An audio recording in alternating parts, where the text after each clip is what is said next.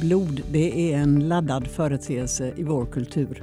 Vi kan bara tänka på uttryck som blodröda fanor, hjärtats röda blod, på blodigt allvar och så vidare. Här ska det handla om ett mycket speciellt tema med anknytning till blod, nämligen konstgjort blod. Ni lyssnar till Vetenskap och hälsa, en serie poddar om forskning inom medicin och hälsa.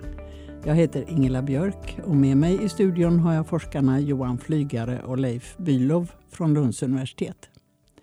Johan är blodforskare och försöker få hudceller att utveckla sig till röda blodkroppar, den celltyp som det är mest av i blodet.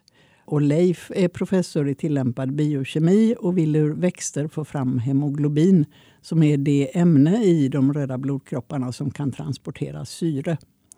Men det här med konstgjort blod, varför behövs det nu då? Finns det inte tillräckligt med vanligt blod, Johan? Patienter som lider av blodbrist eller anemi, de kan ibland behandlas med blodtransfusioner. Och idag så kan man donera blod, att man kan bli blodgivare. Och då kan man eh, donera ungefär en halv liter blod som sen kan eh, ges till patienter som har rätt blodgrupp. Och idag så dels så är det lite brist generellt på blod eftersom det inte är tillräckligt många som donerar blod. Men framförallt så finns det vissa patienter med blodbrist som, som har en väldigt ovanlig typ av, av blodgrupp. Och för de patienterna kan det vara väldigt svårt att hitta rätt eh, givare, blodgivare. Ja, det är väl lite där som eh, vår forskning eh, blir viktig för att vi försöker fylla den, det behovet där.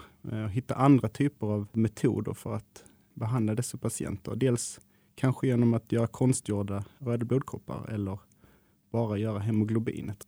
Om ni kommer fram till en möjlighet att göra eh, blod på konstgjord väg så gäller det inte bara att det ska gå att göra i laboratoriet utan det ska gå att göra i stor skala och billigt. Ja, absolut. Så att, eh, det är svårt att konkurrera med priserna för en vanlig eh, påse blod som kommer från en, en, en blodgivare eh, som har en vanlig blodgrupp. Men i vissa fall så kan det finnas patienter som har behov av ett blod som inte går att hitta i, kanske i Sverige just när det behövs. Och då kan man behöva kanske till och med importera fruset blod från något annat land. Dels är de eh, blodpåsarna av sämre kvalitet för de är inte färska och dels kostar det ju mycket mer i sådana fall. Och det är mer i, i sådana situationer som eh, vi tänker att i framtiden skulle vi kunna kanske nästan konkurrera prismässigt med nya metoder. Du utgår inte från röda blodkroppar och försöker få dem att, att bli fler utan du utgår från hudceller i din forskning. Varför det? Alla celler i kroppen har ju samma kod, genetiska kod. Så vi har eh, samma DNA-sekvenser i stamcellen som i alla andra celler.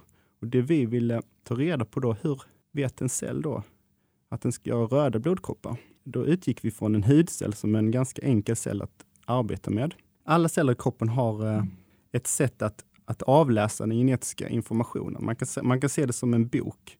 En viss cell har ett visst kapitel öppet. Så hudcellen har ett kapitel öppet där det står hur man ska göra hudceller.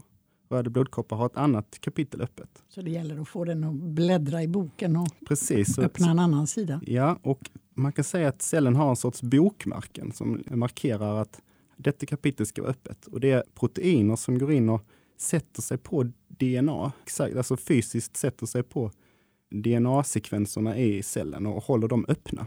Sådana här eh, bokmärken kallas, eh, det finns bland annat en grupp molekyler som heter eh, transkriptionsfaktorer. De sätter på uttrycket av vissa gener och håller, håller vissa delar öppna i den här genetiska boken kan man säga. Så vi letade efter vilka bokmärken eller sådana här transkriptionsfaktorer är det som öppnar kapitlet för röda blodkroppar. För att hitta det svaret så tog vi då hudceller och sen så stoppade vi in olika kombinationer av sådana här bokmärken eller transkriptionsfaktorer. Och så hittade vi en kombination av fyra faktorer som stängde kapitlet för hudceller och öppnade för röda blodkroppar. Eh, den här upptäckten är viktig för vårt framtida mål för att nu vet vi hur eh, vi ska kunna styra förmågan eh, att producera röda blodkroppar i en cell. Så vi vet hur vi ska hålla det här kapitlet öppet. Och det är väldigt viktigt för vi vill ju kunna skala upp. Vi vill kunna odla celler i stor skala och, och samtidigt hålla dem liksom låsta i det här rätt program så att säga. Det måste ju ha varit en, en fantastisk stund för er när ni såg att ja, det här funkade. Det här blev faktiskt en, en blodkropp blodcell av det?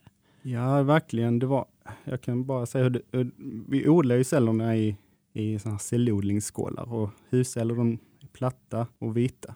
Så helt plötsligt en dag så såg vi att oj, där var ju massa runda röda celler i, i, i brunnen. Det var lite nästan som trolleri kan jag säga, när vi såg det. Det är två stora problem har jag förstått på vägen till konstgjort blod. Du har berört det också. Och det ena är att cellerna måste förmås att förmera sig så man kan producera massor, många miljarder blodceller, blodkroppar. Men att den celldelningen samtidigt inte får bli okontrollerad så att det blir cancer eller något liknande. Och det andra problemet är att om man lyckas få fram konstgjorda blodkroppar som kan dela sig och bli fler så måste de sen eh, efter delningen bli av med sin cellkärna. Varför ska de göra det? Ja, jag kan eh, börja svara på det här med att det, eh, det krävs ju rätt så många röda blodkroppar för att kunna ha någon effekt eh, rent terapeutiskt. Om vi tänker att i vår kropp så har vi ungefär 30 miljoner miljoner, så 30 och sen ytterligare 12 nollor celler i kroppen. Det är väldigt många celler och av dem så är av de här 30 biljonerna celler så är 25 biljoner röda blodkroppar. Så om, man, om man tänker sig att man ska göra att någon cell är väldigt svår att man sätt ersätta i en människa så är det de röda blodkropparna, för det är de vi har allra, allra mest av, av alla celler. Dessutom så måste de här cellerna nybildas hela tiden. Så varje sekund så bildar vi två miljoner nya röda blodkroppar. Så att, att skalan av det här, det är en väldigt stor utmaning. Vi måste kunna eh, skala upp det här så att vi kan odla cellerna i hundratals liter egentligen för att kunna göra det effektivt eh, som en fabrik för nytt blod. Första utmaningen är då att vi måste kunna odla celler i, i väldigt stor volym och där eh, tänker vi oss i framtiden att vi ska kunna göra en sorts cell som är odödlig, som vi kan styra med, med något redskap så att vi låter den växa oändligt mycket, eller så mycket vi vill. Och sen har vi en signal som säger till den, och nu ska du sluta dela dig och mogna ut.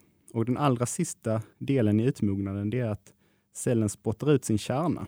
Och Det är också väldigt viktigt för att om man tänker sig att den, eh, när en cell spottar ut kärnan så förlorar den sitt eh, genetiska material. Och, och dessutom förlorar den förmågan att kunna bilda en tumör. Så, så, att vi, även om det här är en odödlig cellinje så har den spottat ut sin kärna. Så att risken att den skulle bilda en tumör... Varför är det som den behöver... Ja, det, det där är ju ett skäl till att du vill att den ska spotta ut sin kärna. Men varför vill en normal röd blodkropp, varför har den spottat ut sin kärna?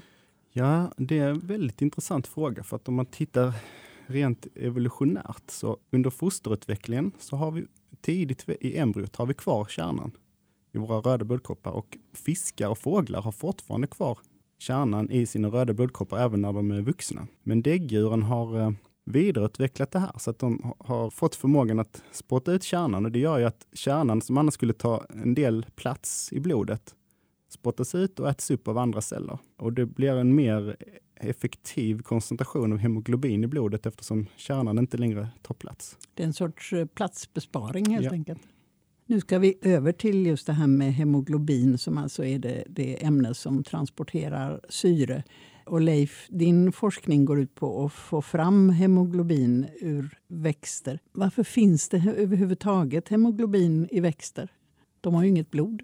Vi säger ofta att växter även de har blod och eh, det är rätt så fascinerande. Man tycker att växter producerar ju syre och borde ju då inte ha någon direkt behov av ett protein som kan transportera syre. Men man ska ju komma ihåg på natten så går ju reaktionen åt andra hållet och växterna behöver då också syre. Så att eh, vi tror mycket att hemoglobin är lite grann av en eh, syrgasbuffert som kan hjälpa till växten att hålla igång sin ämnesomsättning när situationen ändras från dag till natt. Men man ska också komma ihåg att hemoglobin det är ju inte bara ett protein som binder syre. Det har många andra fysiologiska funktioner både i växten och hos människor. Så att eh, binder då bland annat kväveoxid som är en viktig signalmolekyl både hos människor och i växter. Vilka växter arbetar ni med? Vi jobbar med flera olika växter. Eh, vi började med tobak, sen har vi gått över till sockerbeta och eh, just nu håller vi på mycket med havre. Det, det är ju våra stora traditionella jordbruksgrödor vi tittar på mycket nu. för att det ska kunna göras i, i stor skala och, och för att man är van vid att, odla de, de grödorna här? Då. Ja precis, och eh, vi lär också känna våra jordbruksgrödor bättre. Man ska komma ihåg att om vi nu jämför man säger, celler och hemoglobin så är det ju så att celler har en väldigt begränsad livstid. Man säger, den röda blodkroppen har en livstid på 120 dagar.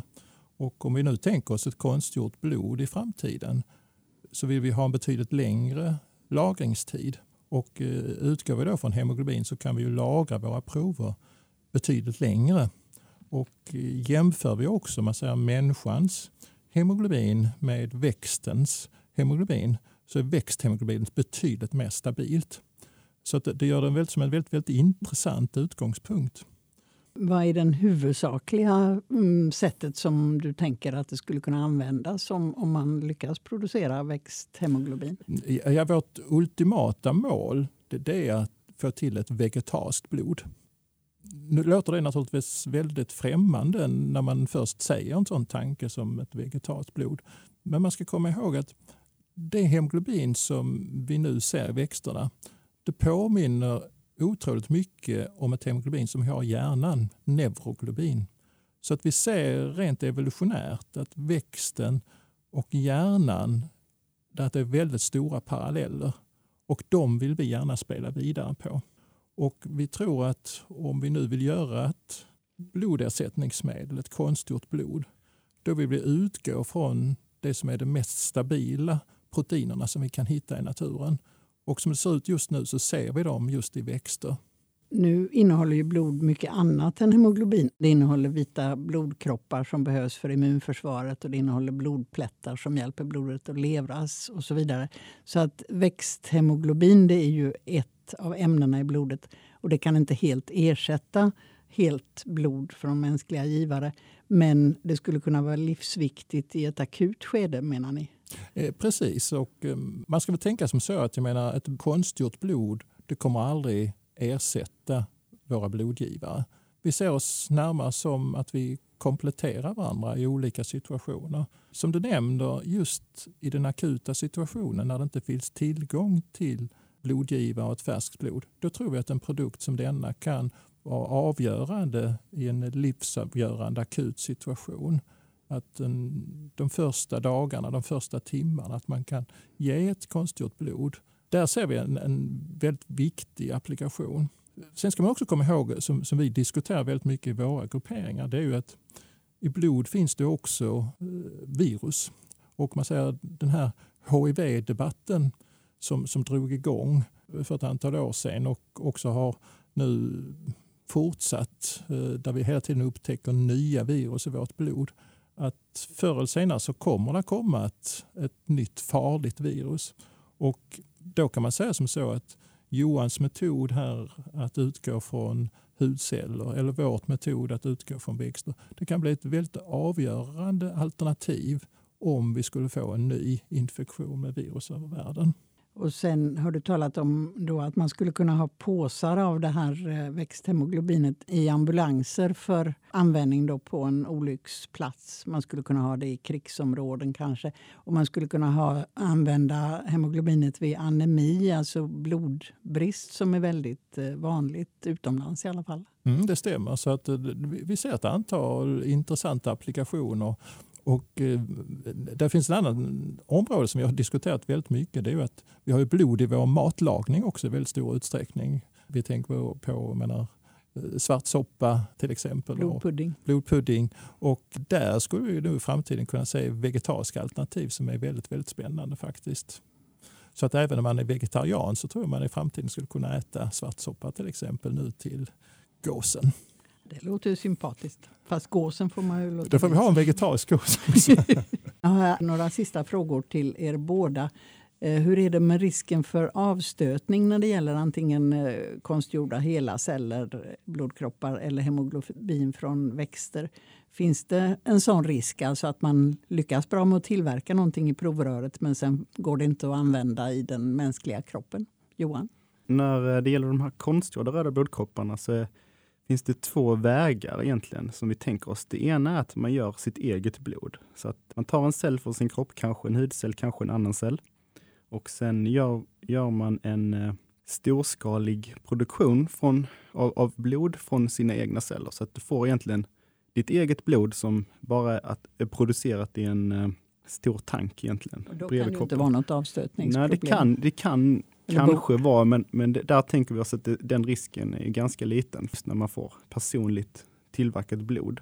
Den andra saken vi tänker oss är att man att man gör ett ganska så universellt blod. Eh, ett blod där man har, har hittat celler från en blodgivare som kan ges till nästan alla individer. Det finns kanske ingen som kan ges till exakt alla, men man kan tänka sig att man tar blod från tiotal olika personer som har väldigt universell blodgrupp som kan ges till nästan alla. Och då skulle man kunna producera mycket stora mängder av ett sådant blod.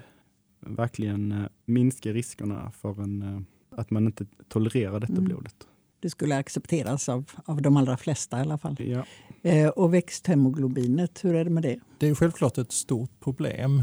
Vi tänker oss att vi kommer inte att spruta in hemoglobinet som sådant utan vi kommer innesluta det i en typ av kapsel som kommer påminna väldigt mycket om en röd blodkropp. Vi kommer förmodligen göra den lite mindre än en röd blodkropp eh, men till sin yta kommer den påminna väldigt mycket om sin naturliga röda blodkroppen. Och så till sist, vad är det för tidsperspektiv här? När kan det växthemoglobinet bli verklighet, ute, använt ute i ambulanser och så vidare? Jag tror det beror på vår omgivning. Jag tror att är det så att vi ser att vi får typ en blodvirusspridning över världen som kan gå väldigt snabbt. Då tror jag att vi kommer att se den här typen av produkter också mycket, mycket snabbare än annars. Så att om det finns ett tryck från vår omgivning, det är då de här produkterna kommer att utvecklas snabbt. Så att jag tror att det finns en möjlighet att få fram de här produkterna inom en femårsperiod om behoven verkligen skulle behövas att plocka fram.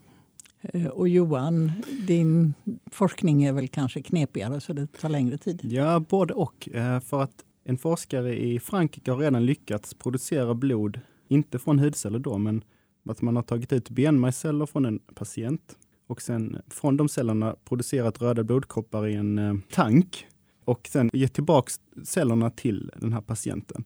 Och de cellerna som man hade producerat utanför patienten, de levde faktiskt till och med längre en, en eh, celler som man skulle injicerat från en blodgivare. Så att där visar man att det fungerar i alla fall att odla röda blodkroppar utanför en patient och ge tillbaka dem. Men detta rörde sig om väldigt få celler, så att det var inte ens i närheten av en påse blod som man injicerade. Så att problemet egentligen, det, det kanske inte riktigt funkade eller inte, utan det är, kan vi skala upp det kostnadseffektivt? Och då måste man ha ingenjörer som Leif som eh, kanske jobbar på eh, att göra maskinerna billigare och bättre. Och dels så behöver man blodforskare som mig som kan eh, skapa celler som kan föröka sig i oändligt, oändliga mängder och sen på en given signal då mogna ut. Så här talar vi om kanske 10-20 år? Ja, det, så, det beror på hur mycket pengar som pumpas in i en sån här, sånt här projekt. Så med, med resurser skulle vi kunna gå på 10 år, det tror jag. Tack så mycket Johan Flygare och Leif Bülow från Lunds universitet. Tack. tack, tack. Du har lyssnat till en poddserie om forskning som produceras av redaktionen vid Aktuellt om vetenskap och hälsa. Inspelningsproducent George Godfrey, Skånes universitetssjukhus. Mer information finns på vetenskaphalsa.se. Du kan också följa oss på sociala medier. I år kommer Forskningens dag som arrangeras av medicinska fakulteten vid Lunds universitet och Region Skåne tillsammans med Erik K Fernströms stiftelse att handla om just blod. Forskningens dag äger rum den 1 november i Malmö klockan 18 till 21 och den 2 november i Lund mellan klockan 14.30 och 18. En timme innan är det öppet med prova på-aktiviteter. Forskningens dag är ett populärvetenskapligt arrangemang för allmänheten.